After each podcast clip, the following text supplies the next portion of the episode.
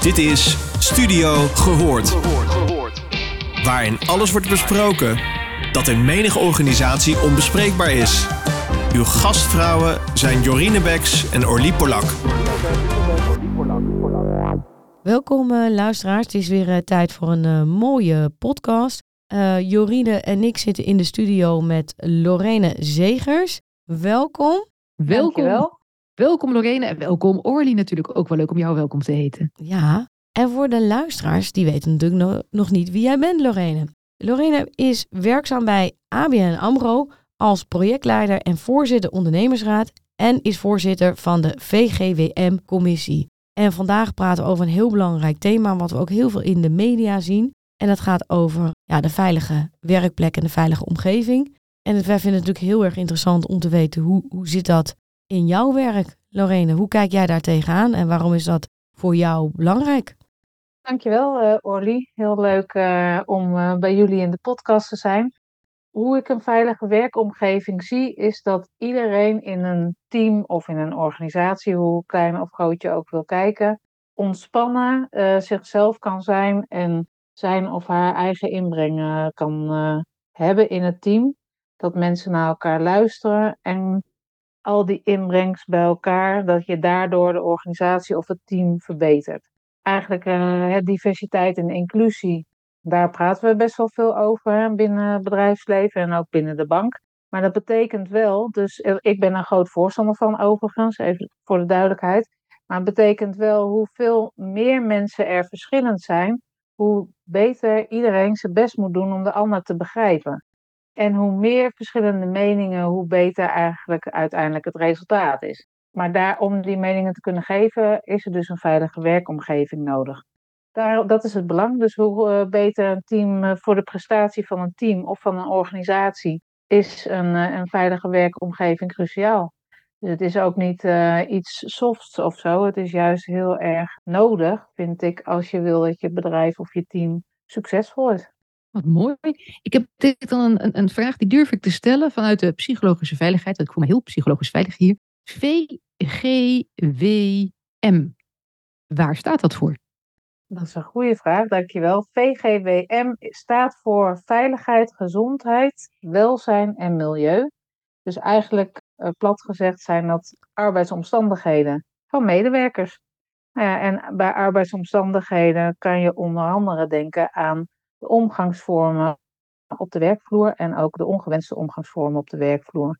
Ook bijvoorbeeld ziekteverzuim of ja, andere werkdruk, beeldschermwerk, al die dingen meer. Dus maar omgangsvormen en ongewenste omgangsvormen, die horen daar ook bij. En is het in de, de bankensector steeds belangrijker geworden om je te richten op gezondheid en welzijn van uh, medewerkers? Ja, ik denk sowieso dat je dat in de hele maatschappij ziet eigenlijk. Dat mensen of dat bedrijven zich meer richten op het uh, welzijn van de medewerkers. En dus ook uh, bij de banken. En zeker ook, ja, mensen die uh, gaan natuurlijk langer doorwerken. We hebben nu al hè, personeelstekorten, dat is ook in de financiële sector zo. Dus ja, we moeten zorgen dat, dat iedereen zich goed in zijn vel voelt op het werk, zodat hij zo productief mogelijk is en ook uh, zo lang mogelijk gewoon uh, door kan werken eigenlijk. Dus ik denk dat het, het belang daarvan wel, nou ja, de laatste jaren meer wordt gezien. Dat zo zeggen. Ik ken eigenlijk ABN AMRO Bank vooral als een hele witte, homogene bank. ik heb daar jaren geleden veel voor mogen werken. En toen moest ik ook iets doen op diversiteit en inclusie, want daar begon je verhaal mee. En toen was er in de. We moesten filmpjes opnemen met uh, medewerkers van een diverse achtergrond. En het was heel ja, frappant, want we moesten het hele gebouw doorzoeken naar een medewerker met een eigenlijk een andere achtergrond. Die echt heel lastig te vinden is. Ik kan me wel voorstellen dat, dat die wereld nu er heel anders uitziet. Hoe, hoe is die omslag? Want ja, met arbeidstekorten ga je natuurlijk ook uh, vissen in vijvers wat niet jouw homogene profiel heeft. Hoe, hoe zit dat nu? Ja, nou, nu is dat, uh, dat is inderdaad heel erg veranderd. Hè? Dus ook uh, qua culturele diversiteit, daar is en daar wordt nog steeds heel veel aandacht aan besteed. Dat, er, ja, dat we wat dat betreft ook een uh, diverse bank zijn. Nou vind ik wel dat we daar nog steeds ja, in kunnen verbeteren of in kunnen groeien. Maar diversiteit zit natuurlijk ook in man-vrouw is een, nou ja, een, een bekende, maar ook in manieren van denken. Dat, vind ik ook onder diversiteit vallen. Dat je verschillende denkwijzes, dat daar ruimte voor is. En dat zie ik wel veranderen binnen de bank, moet ik zeggen. Dat daar steeds meer ruimte voor is. Maar natuurlijk zijn er ook teams of onderdelen die ja, daar nog wel verder in zouden kunnen ontwikkelen. Net zo eigenlijk als in, in andere bedrijven. Ik zie wel dat er meer aandacht voor is ja, door het hele bedrijf heen. Ik weet niet hoe lang geleden jij er was. Maar... Eh, tien jaar geleden of zo? Ja, nee, dat is wel echt een. Uh, dat is nu echt wel anders. Dat klopt. Maar het moet nog wel steeds gewoon aandacht blijven houden hoor. Het is niet zo dat het. Uh, en dat is ook met veilige werkomgeving. Dat zijn onderwerpen, ja, die, die, moet, die zijn nooit klaar in die zin. Je moet altijd aandacht, in mijn optiek altijd aandacht blijven geven, juist omdat ze zo belangrijk zijn.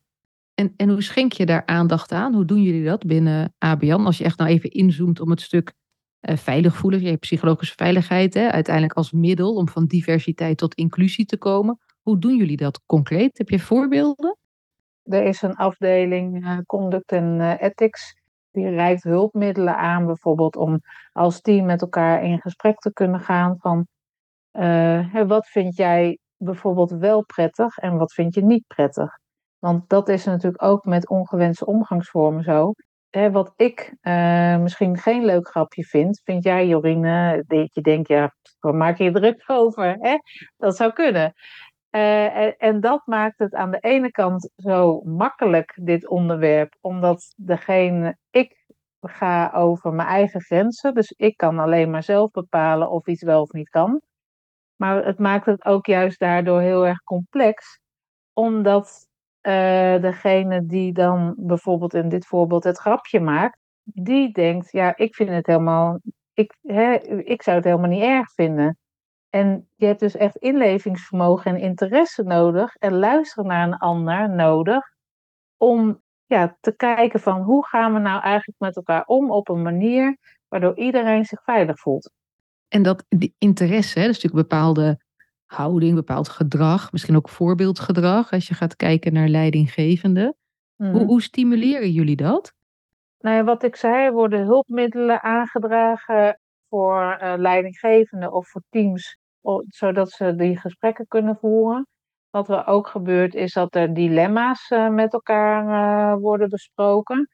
Dus dat zijn allemaal hulpmiddelen om te komen tot een veilige werkomgeving. Leidinggevenden krijgen ook trainingen hè, in uh, wat, wat is dat nou een veilige werkomgeving? Hoe kan je daar aan bijdragen om een of om een, omgeving veiliger te maken? Ja, dus dat is de ene kant voor de veilige werkomgeving. En, en aan de andere kant uh, is er een goed proces voor en hulpdiensten staan er klaar voor als het niet goed gaat, dat degene die gepest wordt wel de juiste hulp krijgt. Want dat zijn natuurlijk eigenlijk twee uh, sporen wat mij betreft. Dus ja, zo doen we het. Het, het, uh, heel, het is heel fijn als ik dat zo hoor. En denk ook die twee sporen ben ik ook. Hè, weet je, we hebben het ook al over gehad. Twee kanten van dezelfde medaille. En die stuk van sociale veiligheid, dat inrichten en psychologische veiligheid. Als je gaat kijken, we zien natuurlijk best wel praten met verschillende mensen. We zien uh, heel veel organisaties, ook van binnen, hè, Orly en ik.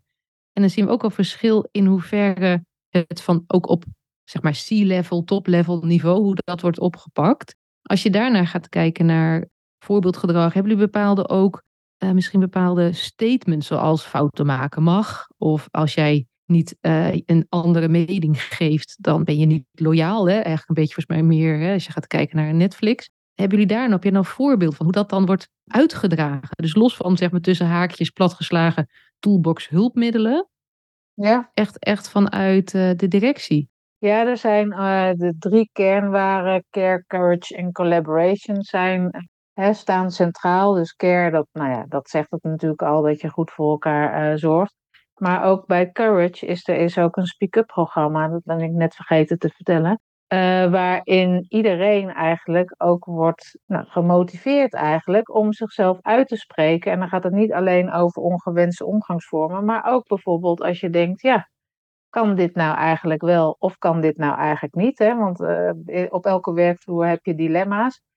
En dat programma dat is ervoor, ja, zodat mensen gestimuleerd worden om zich uit te spreken. En dat dan of met, hè, met uh, professionals te bespreken die daar uh, een, een, nou ja, een stelling in kunnen nemen, bijvoorbeeld hè, voor een dilemma. Of dat je zorgt dat je dat met je team bespreekt. Dus ja, daar is best wel veel aandacht voor om mensen te stimuleren. Ik heb echt en niet zo... alleen dus de leidinggevende, maar ook ja, iedereen eigenlijk in de organisatie. Ik heb zo'n heel mooi beeld eigenlijk bij een, uh, een bank met keurige mensen, waarin gewoon iedereen toch gewoon fatsoenlijk met elkaar omgaat. Die, die hebben toch helemaal geen ongewenste omgangsvormen. Ja, dat zou zo mooi zijn. Nou, ik moet zeggen dat uh, dat gesprek heb ik ook wel eens gevoerd bij ons in het bedrijf. Uh, kijk, binnen in Nederland worden, nou ja, zeg maar uh, 5 tot, tot 7 procent van alle medewerkers worden gepest op de werkvloer. En wij zijn met 20.000 collega's. We zijn gewoon een, uh, een, maatschappij in het klein. Sommige collega's hebben wel inderdaad het beeld wat jij zegt, Orly. Maar ja, dat is gewoon niet zo. Dus er, er zijn situaties en collega's die gepest worden. En er zijn mensen die ja, intimideren of uh, zich niet uh, netjes gedragen. Net zoals overal in, in de maatschappij. Dus we zijn daar niet uniek in. En dat is, ja, dat is ook goed om je te beseffen dat het dus zo is. Dat het bestaat. Ook al zie je dat zelf misschien niet in je eigen team of in je eigen omgeving. Maar het besef dat dat in de organisatie is. En dat het dus belangrijk is om daar aandacht aan te geven. Daar begint het eigenlijk al mee misschien een wel directe vraag, maar heb je zelf wel eens iets meegemaakt in, in de werkomgeving? Ja, ik heb dat. Uh, het, is nog, het is nog steeds heel ingewikkeld om daarover te praten. Het is al tien jaar geleden. En dat is ook gelijk eigenlijk. Ik heb nu, als je die vraag stelt, ik heb gelijk een steen in mijn maag. Oh, uh, en dat komt. Nee, nee, nee, maar okay. daarvoor zit ik hier ook juist, zeg maar, omdat ik weet, en dat het ook goed is om mensen te, voor, te horen, denk ik, dat er zit heel veel schaamte bij als je het jezelf overkomt. En dat ik heb mezelf zo vaak afgevraagd van, goh, ligt het niet aan mij, had ik niet dit of dat of zus of zo moeten doen. En, uh, en dat weerhoudt mensen ook, en mijzelf ook, om het dus over te hebben. En daarom vind ik het zelf wel belangrijk om het er wel over te hebben, omdat ik ja, probeer daarbij ook bij anderen die er last van hebben om hulp te kunnen uh, zoeken en vragen. Ja, dat was uh, tien jaar geleden dat ik gepest ben op de werkvloer. En eigenlijk ja, staat, was, begon het klein en het wordt van kwaad tot erger eigenlijk. En dat was ja, dus of gewoon negeren in een team of in een kamertje apart moesten komen, kreeg ik de volle laag over dingen die ik gedaan zou hebben. Nou ja, die blijkbaar niet door de beugel konden. Of slechte beoordelingen gegeven, uh, nergens op gebaseerd. Als we in een team waren, mij eruit halen als voorbeeld hoe het niet moest. En het werd eigenlijk steeds uh, erger tot aan achtervolgingen door het gebouw. En nou, ik kan, kan er een keer een boek over schrijven. dat ga ik nog niet doen. Maar ja, ik heb echt aan de lijf ondervonden wat het ook in, in jezelf doet, zeg maar. In je, uh, ja, dat je eigenlijk steeds meer terugtrekt. En ook gezien wat, de, wat het met collega's doet. Want mensen, um, ja, sommige collega's die durfden zich niet uit te spreken. Van, goh, wat gebeurt hier eigenlijk? Omdat ze bang waren de volgende te zijn. Er waren ook collega's die zoiets hadden van, Hè, weet je wel, uh, heel goed dat, uh, dat uh, Lorraine eens een keer wordt aangepakt. Hè? Dat waren er ook. En er waren ook collega's die zoiets hadden van ja, dit is eigenlijk niet oké, maar ik probeer een beetje vriendjes te blijven met de leidinggevende om te kijken wat ik er voor mezelf uit kan halen. Dus dat vond ik eigenlijk ook wel, ja, dat klinkt nu een beetje gek, want het was echt een ontzettend heftig proces, maar ook wel weer heel boeiend om te zien hoe dat dan gaat, zeg maar, in zo'n groep met mensen. En ja, en mensen die dan wel één op één tegen mij zeiden van uh, het kan eigenlijk niet, maar dan dat niet in de groep durfde te doen. En dat heeft mij ook wel, nou ja, die ervaring zeg maar, heeft mij echt gesterkt om te zorgen dat ja, dit binnen ABN AMRO echt ja, misschien nog wel beter op de kaart te krijgen dan, dan, dan dat het eerst was. En wat was het moment dat jij je realiseerde dat je gepest werd? en, en dat, je, dat het eigenlijk onredelijk was hoe er met je werd omgegaan. Ja, het vervelende, het sluipt er gewoon in. Dus het is niet zeg maar één, één moment waarvan ik nu denk van, ah ja, dat, toen is het begonnen of zo. Dus het, het sluipt er een beetje in. En ja, ik denk het wel, ik werkte in een team die heel onder hele hoge druk uh, stond en die onder uh, tijdsdruk uh, veel moest presteren. Zonder dat we eigenlijk, we waren allemaal nog lerend, zeg maar, nog zoekend. Ik denk het moment dat eigenlijk dat andere mensen wel één op één tegen mij zeiden dat het eigenlijk niet kon, maar dat ze dat niet in de groep zeiden. Als we het er zo over hebben, toen dacht ik wel echt van, dit, is echt wel heel raar. Dit is niet oké. Een soort ongeloof misschien eerst ook, dat je dat zegt, van wel raar dat je dan... Heel raar. Ik vond het heel raar. Ja, ik dacht even. Maar dat vind ik sowieso bij pesten. Dat, ik heb me al heel lang afgevraagd, waarom pesten mensen eigenlijk? Ik had een keer met mijn zoon, die was toen een stuk uh, jonger, iets van 12 of, of 13 of zo. Die kwam een keer thuis, was hij van de fiets afgeduwd uh, door, door een paar andere jongens. En toen zei hij, uh, nou, nadat hij een beetje van de schrik was bekomen, vond ik wel heel mooi. Die zei ook van, ja, hoe zouden die jongens nou thuiskomen? Zo van tegen hun ouders zeggen van, nou, uh, yes, ik heb weer iemand van zijn fiets afgeduwd of zo. Of wat, weet je wel, wat, wat levert het nou op? Dat, dat vind ik nog steeds een hele intrigerende vraag, eerlijk gezegd. Ja, die is ook intrigerend. Hè? Waarom doet Ja. iemand wat diegene doet? Wat wint hij ermee? Wat heeft diegene nodig? Wat heeft hij, is hij misschien ooit tekort gekomen? Hè? Natuurlijk een heel diepe onder. Waar ik ook nog wel nieuwsgierig naar ben, los van deze eh, intrigerende vraag hoor, van waarom doet iemand wat diegene doet, is hoe, hoe is dat zeg maar verlopen? Want je had dan uiteindelijk dus door hè, dat je dacht, hier klopt iets niet. Het was raar, het was natuurlijk ook heel erg naar, kan ik me voorstellen. En allicht, als je eenmaal gaat zien dat je het nog meer ziet, hè? dus het misschien dat je nog bevestiging meer gaat zien dan. Eh, Wat is er gebeurd? Ben jij uit het team gegaan? Is die leidinggevende weggegaan? Eh, is het opgelost of niet? Eh, hoe is dat verlopen? Nou, het ging eigenlijk dus steeds erger. Dus wat ik net zei van met dat achtervolgen door het gebouw. Ja, ik heb toen een collega gebeld en gevraagd, wil je mij komen ophalen? Want ik voel me niet veilig om door het gebouw. Ik heb het echt het idee dat ik word aangevallen zo meteen. En die heeft mij eh, begeleid het, het pand uit. Nou ja, toen dacht ik, dit is geen goede eh, werksituatie meer. Maar je bent zo, je bent super gestrest. Hè? Kijk, nu eh, vertel ik er redelijk nuchter over. Maar je, je bent helemaal hyper. Ben je. Dus als de telefoon ook ging bijvoorbeeld, dan sprong ik gewoon drie meter de lucht in. Omdat je staat de hele tijd op scherp. Omdat ja, er dus onverwachte dingen ook gebeurden.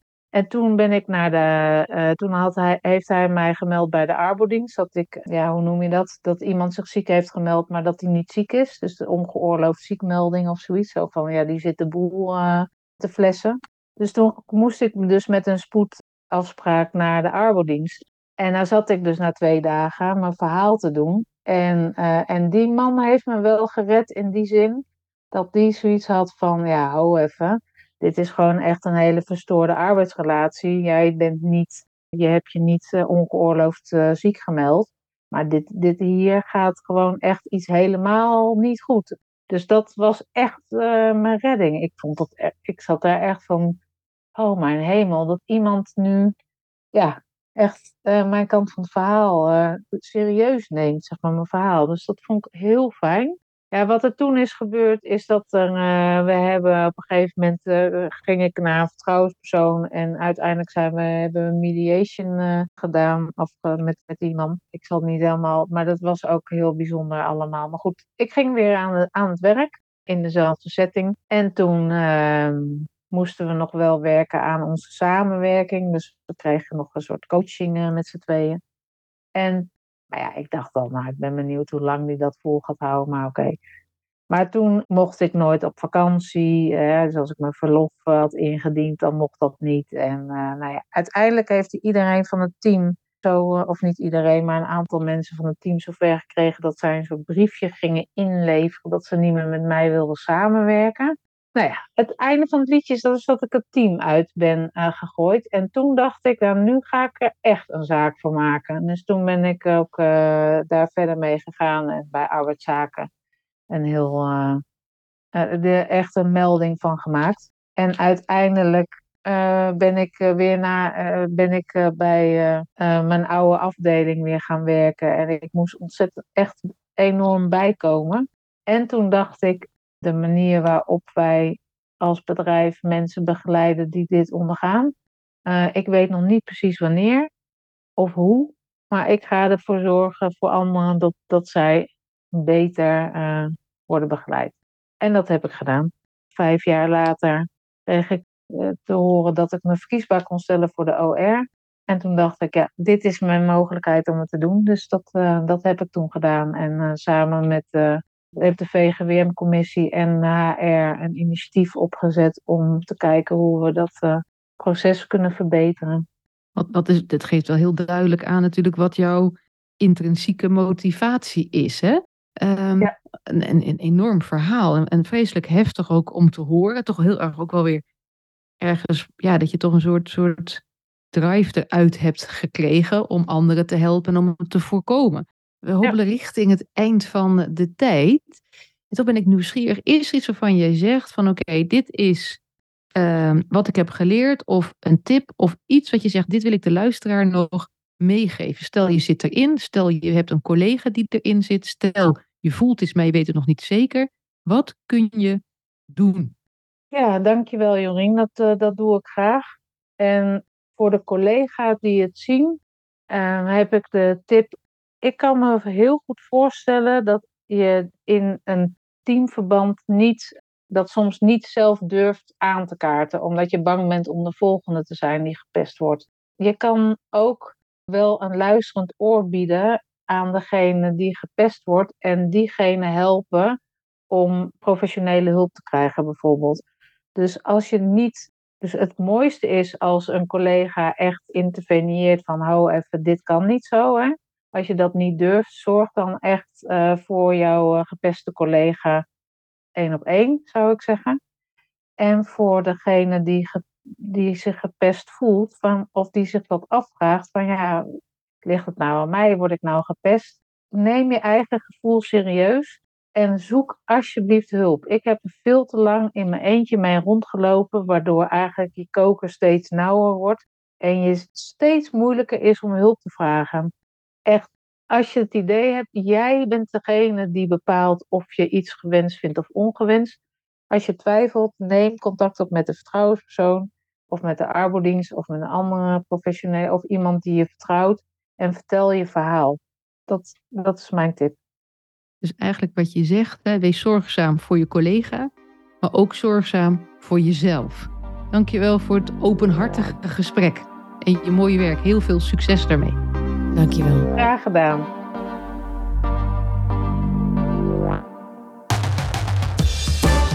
Je luisterde naar Studio Gehoord. Vond je dit een leuke podcast? Laat dan een review achter bij jouw favoriete podcastplatform. Tot de volgende!